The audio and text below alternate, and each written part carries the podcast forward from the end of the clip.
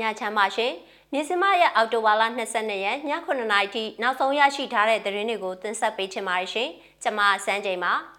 ရန်ကုန်မှာဘုံပေါက်ကွဲတာဘုံတွေ့တာဗန်ဓမြတိုက်ခံရတာတွေတရက်တွင်ဖြစ်ပွားတဲ့သတင်းတရုတ်မြန်မာနယ်စပ်မြင်းကိုတရုတ်ဘက်ကကျူးကျော်ခြံစည်းကိုခတ်တဲ့သတင်းဝက်လက်မြို့နယ်ကပြည်ခိုင်ပြူပါတီဝင်ရဲ့ဒလန်မဟုတ်ကြောင်းရှင်းပြတဲ့ရုပ်တံဖိုင်ပြန်နှံ့တဲ့အကြောင်းနဲ့ ဘင်္ဂလားဒေ့ရှ်ရိုဟင်ဂျာဒုက္ခတဲ့စခန်းမှာတနတ်သမားတွေရဲ့တိုက်ခိုက်မှုကြောင့်လူခုနှစ်ဦးသေဆုံးတဲ့တဲ့အဆရှိတဲ့သတင်းတွေကိုတင်ဆက်ပေးပါရမယ်ရှင်။ရန်ကုန်မြို့ကပောက်ကွဲမှုသတင်းတွေနဲ့စတင်လိုက်ချင်ပါတယ်။ဒီကနေ့နေ့လယ်ပိုင်းမှာရန်ကုန်မြို့ကလျှက်စစ်မီတာရုံးတွေမှာပောက်ကွဲမှုတွေဖြစ်ပေါ်ခဲ့ပါတယ်။လှိုင်မြို့နယ်ကလျှက်စစ်မီတာရုံးမှာနေ့လယ်12နာရီလောက်ကပောက်ကွဲမှုဖြစ်ခဲ့တယ်လို့အဲ့ဒီအချိန်ဝန်းကျင်မှာပဲမယန်းကုန်းကလျှက်စစ်မီတာရုံးလည်းပောက်ကွဲခဲ့ပါတယ်။ အောက်တိုဘာလလယ်ပိုင်းကစပြီးမိသားခပေးဆောင်မှုနဲ့မဆောင်ရင်မီးဖြတ်မဲဆိုတဲ့ချင်းချောက်မှုတွေကိုလည်းစစ်ကောင်စီဘက်ကရန်ကုန်မြို့ကရက်ကွက်တွေမှာလိုက်ပြီးကြေညာခဲ့ပါတယ်။ရန်ကုန်တိုင်းဒေသကြီးတောင်အုပ်ကလာပါမြို့နယ်ခုနှစ်ရက်ကွက်ကမိသားမဆောင်တဲ့နေအိမ်တွေကိုလည်းဒီကနေ့မနက်ပိုင်းမှာပဲစစ်ကောင်စီကမီးဖြတ်လိုက်ပါတယ်။အဲ့ဒီရက်ကွက်ထဲကအိမ်အရေးအတွက်ရာကနန်းလောက်မီးဖြတ်ခံလိုက်ရတယ်လို့ဒေသခံတွေကပြောပြပါတယ်။ EBC ကလူတွေပဲလာဖြတ်တာပါမဖြတ်ရသေးတဲ့အိမ်တွေကိုလည်းမိသားမဆောင်ရင်လာဖြတ်မယ်မိသားဆောင်မယ်ပြောပြီးမလာရင်လည်းမနှက်ဖြန်ပြန်လာဖြတ်မယ်လို့ချင်းချောက်သွားတယ်လို့ခုနှစ်ရက်ကွက်မှာနေတဲ့ဒေတာခန်ကမြစမကိုပြောပါတယ်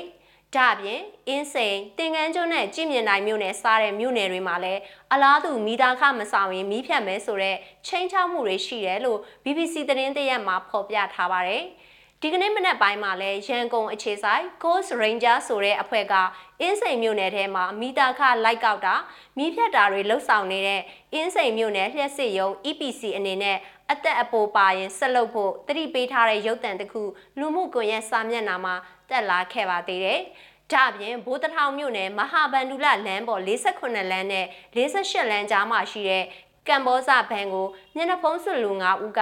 ဝင်ရောက်ဓမြတိုက်ခဲ့တဲ့ဖြစ်စဉ်လဲဒီကနေ့နေ့လယ်ပိုင်းမှာပဲဖြစ်ခဲ့ပါသေးတယ်။ဓမြတိုက်မှုဖြစ်စဉ်ကြောင့်တိန်း3000လောက်ပါသွားတယ်လို့ဗန်နဲ့နီးစပ်တဲ့အတိုင်းဝိုင်းကပြောပါတယ်။ဒီလိုလျှက်စစ်မိသားရုံးတွေဘုံပေါက်ကွဲမှုတွေဓမြတိုက်ခံရတာတွေပြင်မင်္ဂလာရုံပန်းချံဝင်ပေါက်နာကထောက်ဖို့တက်ရင်ပေးမှာလက်လုံမိုင်းတလုံး မင်္ဂလာရုံစစ်တင်တန်းကျောင်းရှေ့မှာလက်လုံမိုင်းတလုံးဖောက်ခွဲခဲ့တယ်လို့ရန်ကုန်အခြေစိုက်ရန်ကုန် Federal Army နဲ့ပြည်သူ့ကာကွယ်ရေးတပ်မတော်တို့ကထုတ်ပြန်ထားပါသေးတယ်။ဒါ့အပြင်လှိုင်သာယာမြို့ပြပျောက်ကြားတက်ကလည်းလှိုင်သာယာမြို့နယ်တဲကတမကုန်းမှတ်တိုင်နဲ့ဝါဝါဝင်းဂိတ်ပေါက်ကြားနေရာမှာဒီကနေ့မနက်7:00နာရီလောက်ကဘုံလေးလုံးဖောက်ခွဲခဲ့ပါသေးတယ်။ ပဇွန်အောင်မြို့နယ်အထက်ပဇွန်အောင်လမ်းမပေါ်မှာရှိတဲ့စစ်ကောင်စီရဲ့စီးပွားရေးနဲ့ကူးသန်းရောင်းဝယ်ရေးဌာနပိုင်းကုန်သွယ်မှုဗဟိုဌာနစင်ဝင်အောက်မှာလဲဘုံတွေ့ရှိခဲ့ပါသေးရဲ့ရှင်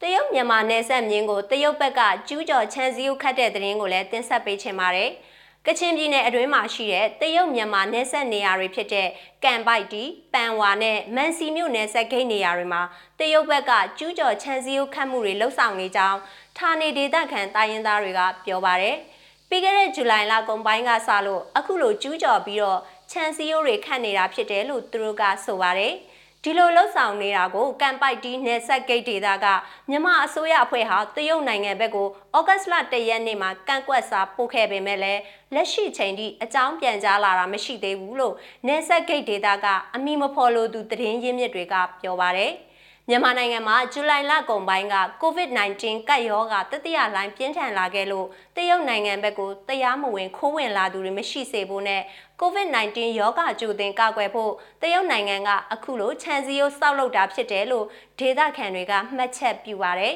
။ကချင်ပြည်နယ်နယ်ဆက်တလျှောက်အမြင့်ပေ20ရှိတဲ့တန်ဆူးကျိုးခွေပတ်ထားတဲ့ခြံစည်းရိုးတွေကိုတရုတ်နိုင်ငံကစောက်လုပ်နေကြောင်းဒေသခံတွေစီကသိရပါတယ်ရှင်။ စကိုင်းတိုင်းကသတင်းနဲ့ဆက်ချင်ပါတယ်။စကိုင်းတိုင်းရွှေဘိုခရိုင်ဝက်လက်မြို့နယ်မှာရှိတဲ့တရင်ပေးဒလန်လို့သတ်မှတ်ခံထားရသူပြည်ထောင်စုကြန့်ခိုင်ရေးနဲ့ဖွံ့ဖြိုးရေးပါတီဝင်တဦးကသူဟာဒလန်မဟုတ်ကြောင်းကျေးရွာတွင်လက်လဲရှင်းပြပေးခဲ့တဲ့ရုပ်သံဗီဒီယိုတစ်ခုဒီကနေ့အောက်တိုဘာလ22ရက်မနက်ပိုင်းမှာလူမှုကွန်ရက်စာမျက်နှာမှာပြန့်နှံ့ခဲ့ပါတယ်။ ကျွန်တော်တို့ဝက်လက်မှာကဒါနဲ့ဆိုရင်ကျွန်တော်မှတ်မိသလောက်၃ချိန်ရှိပြီးအရင်တစ်ခါကလည်းဘူးပကံရွာက9ယောက်ဝင်းချတောင်းပန်ရတယ်။နောက်တစ်ခါကကြန့်ခိုင်ရေးပါတီက1ယောက်နဲ့အခု1ယောက်သူသူတို့ဒလန်လောက်ခဲ့သလားဆိုတာကတော့သူတို့ရွာတွေကအတိဆုံးပါပဲဒလန်လို့နာမည်ထွက်နေသူတွေပါလို့ဝက်လက်မြို့ဒေသခံတအူးကပြောပါတယ်ဝက်လက်မြို့နယ်ပောက်ကန်ကျေးရွာကပြည်ခိုင်ပြိုးပါတီဝင်ဦးငိမ့်စောဦးဆိုသူဟာသူ့အနေနဲ့အရင်ကပြည်ခိုင်ပြိုးပါတီမှာလှုပ်ဆောင်ခဲ့ပေမဲ့လည်း အခုချိန်မှာဘာဖွဲ့စည်းနဲ့မှပတ်သက်တာမရှိတော့ကြောင်းနောက်နောက်မှာလည်းပတ်သက်ခြင်းပြုမှာမဟုတ်ကြောင်းသူ့ရဲ့မိသားစုဟာလည်းသတင်းပေးဒလန်အဖြစ်လှုပ်ဆောင်မှာမဟုတ်ကြောင်းကျေးရွာတွင်လှည့်လည်ရှင်းပြပေးခဲ့ရတာကိုဗီဒီယိုကလစ်မှာတွေ့ရှိရပါတယ်ရှင်။နိုင်ငံတကာဘက်မှာတော့ ဘင်္ဂလားဒေ့ရှ်နိုင်ငံရှိရိုဟင်ဂျာဒုက္ခတွေစခန်းတစ်ခုမှာရှိတဲ့အစ္စလာမစ်ကျမ်းစာသင်တန်းကျောင်းတစ်ကျောင်းမှာအောက်တိုဘာလ22ရက်ကတနတ်သမားတွေရဲ့တိုက်ခိုက်မှုကြောင့်လူ9ဦးထပ်မံတေဆုံးပြီးလူတချို့ထိခိုက်ဒဏ်ရာတွေရခဲ့တယ်လို့ရဲတပ်ဖွဲ့ကပြောပါရယ်တိုက်ခိုက်သူတွေဟာလူတချို့ကိုတနတ်နဲ့ပစ်ခတ်ခဲ့ပြီးတခြားလူတချို့ကိုတော့ဓားတွေနဲ့ထိုးခဲ့တယ်လို့ဒေသရဲတပ်ဖွဲ့အကြီးအကဲတဦးကပြောပါရယ်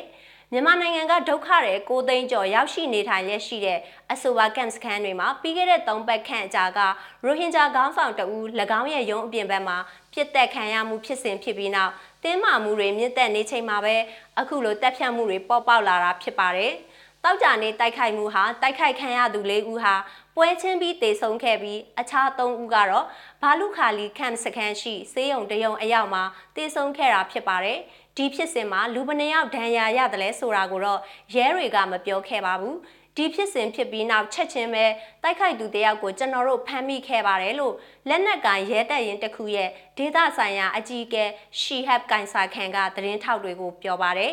အဆိုပါဖမ်းမိတဲ့အမျိုးသားနဲ့အတူတနက်တလက်ကြီးစံ6တောက်ဓာတ်တလက်တို့ကိုရှာတွေ့ခဲ့တယ်လို့၎င်းကပြောပါတယ်။ ရိုဟင်ဂျာအခွင့်အရေးတွေအတွက်ဥဆောင်လှုပ်ရှားခဲ့သူမူဟစ်ဦးလာကိုဘယ်သူဘယ်ဝါမသိရတဲ့လောက်ကျန်သူတွေကတက်ဖြတ်ခဲ့ပြီးနောက်ရိုဟင်ဂျာတက်ကြွလှုပ်ရှားသူအများပြားပုံအောင်နေကြလျက်ရှိပါတယ်။ တက်ကြွလှုပ်ရှားသူတချို့ကတော့တပ်ဖြတ်မှုအတွက် Arkham Rohingya ကဲတင်ရေးတပ်မတော် ARSA အဖွဲ့ကိုပြစ်တင်ထားခဲ့ပါတယ်။အဆိုပါ ARSA အဖွဲ့ဟာ2019ခုနှစ်ကမြန်မာလုံခြုံရေးတပ်ဖွဲ့တွေကိုတိုက်ခိုက်ခဲ့မှုတွေရဲ့နောက်ွယ်ရှိစစ်သွေးကြအဖွဲ့ဖြစ်ပြီးရင်းရဲ့တိုက်ခိုက်မှုတွေနောက်ပိုင်းမြန်မာစစ်တပ်ကနေမြေရှင်းလင်းလှုပ်ဆောင်ခဲ့ရမှာရိုဟင်ဂျာ9,400ခန့်ဘင်္ဂလားဒေ့ရှ်ဘက်စုပြုံဝင်ရောက်ခဲ့ကြတာဖြစ်ပါတယ်။ အဆိုပါအဖွဲ့ကတော့ရင်းအပေါ်ဆွဆွဲချက်တွေကိုညှင်းဆန်ပယ်ချထားပါတယ်။ရိုဟင်ဂျာဒုက္ခတွေ camps ခန်းအတွင်းအကြောက်တရားတွေတိုးလာနေတယ်လို့တက်ကြွလှုပ်ရှားသူတွေကပြောပါတယ်။လုံခြုံရေးကိုပုံမတင်းကျပ်ထားပြီးအခုနောက်ဆုံးပေါ်ပေါက်တဲ့ပြစ်ခတ်မှုရဲ့အကြောင်းရင်းတွေကို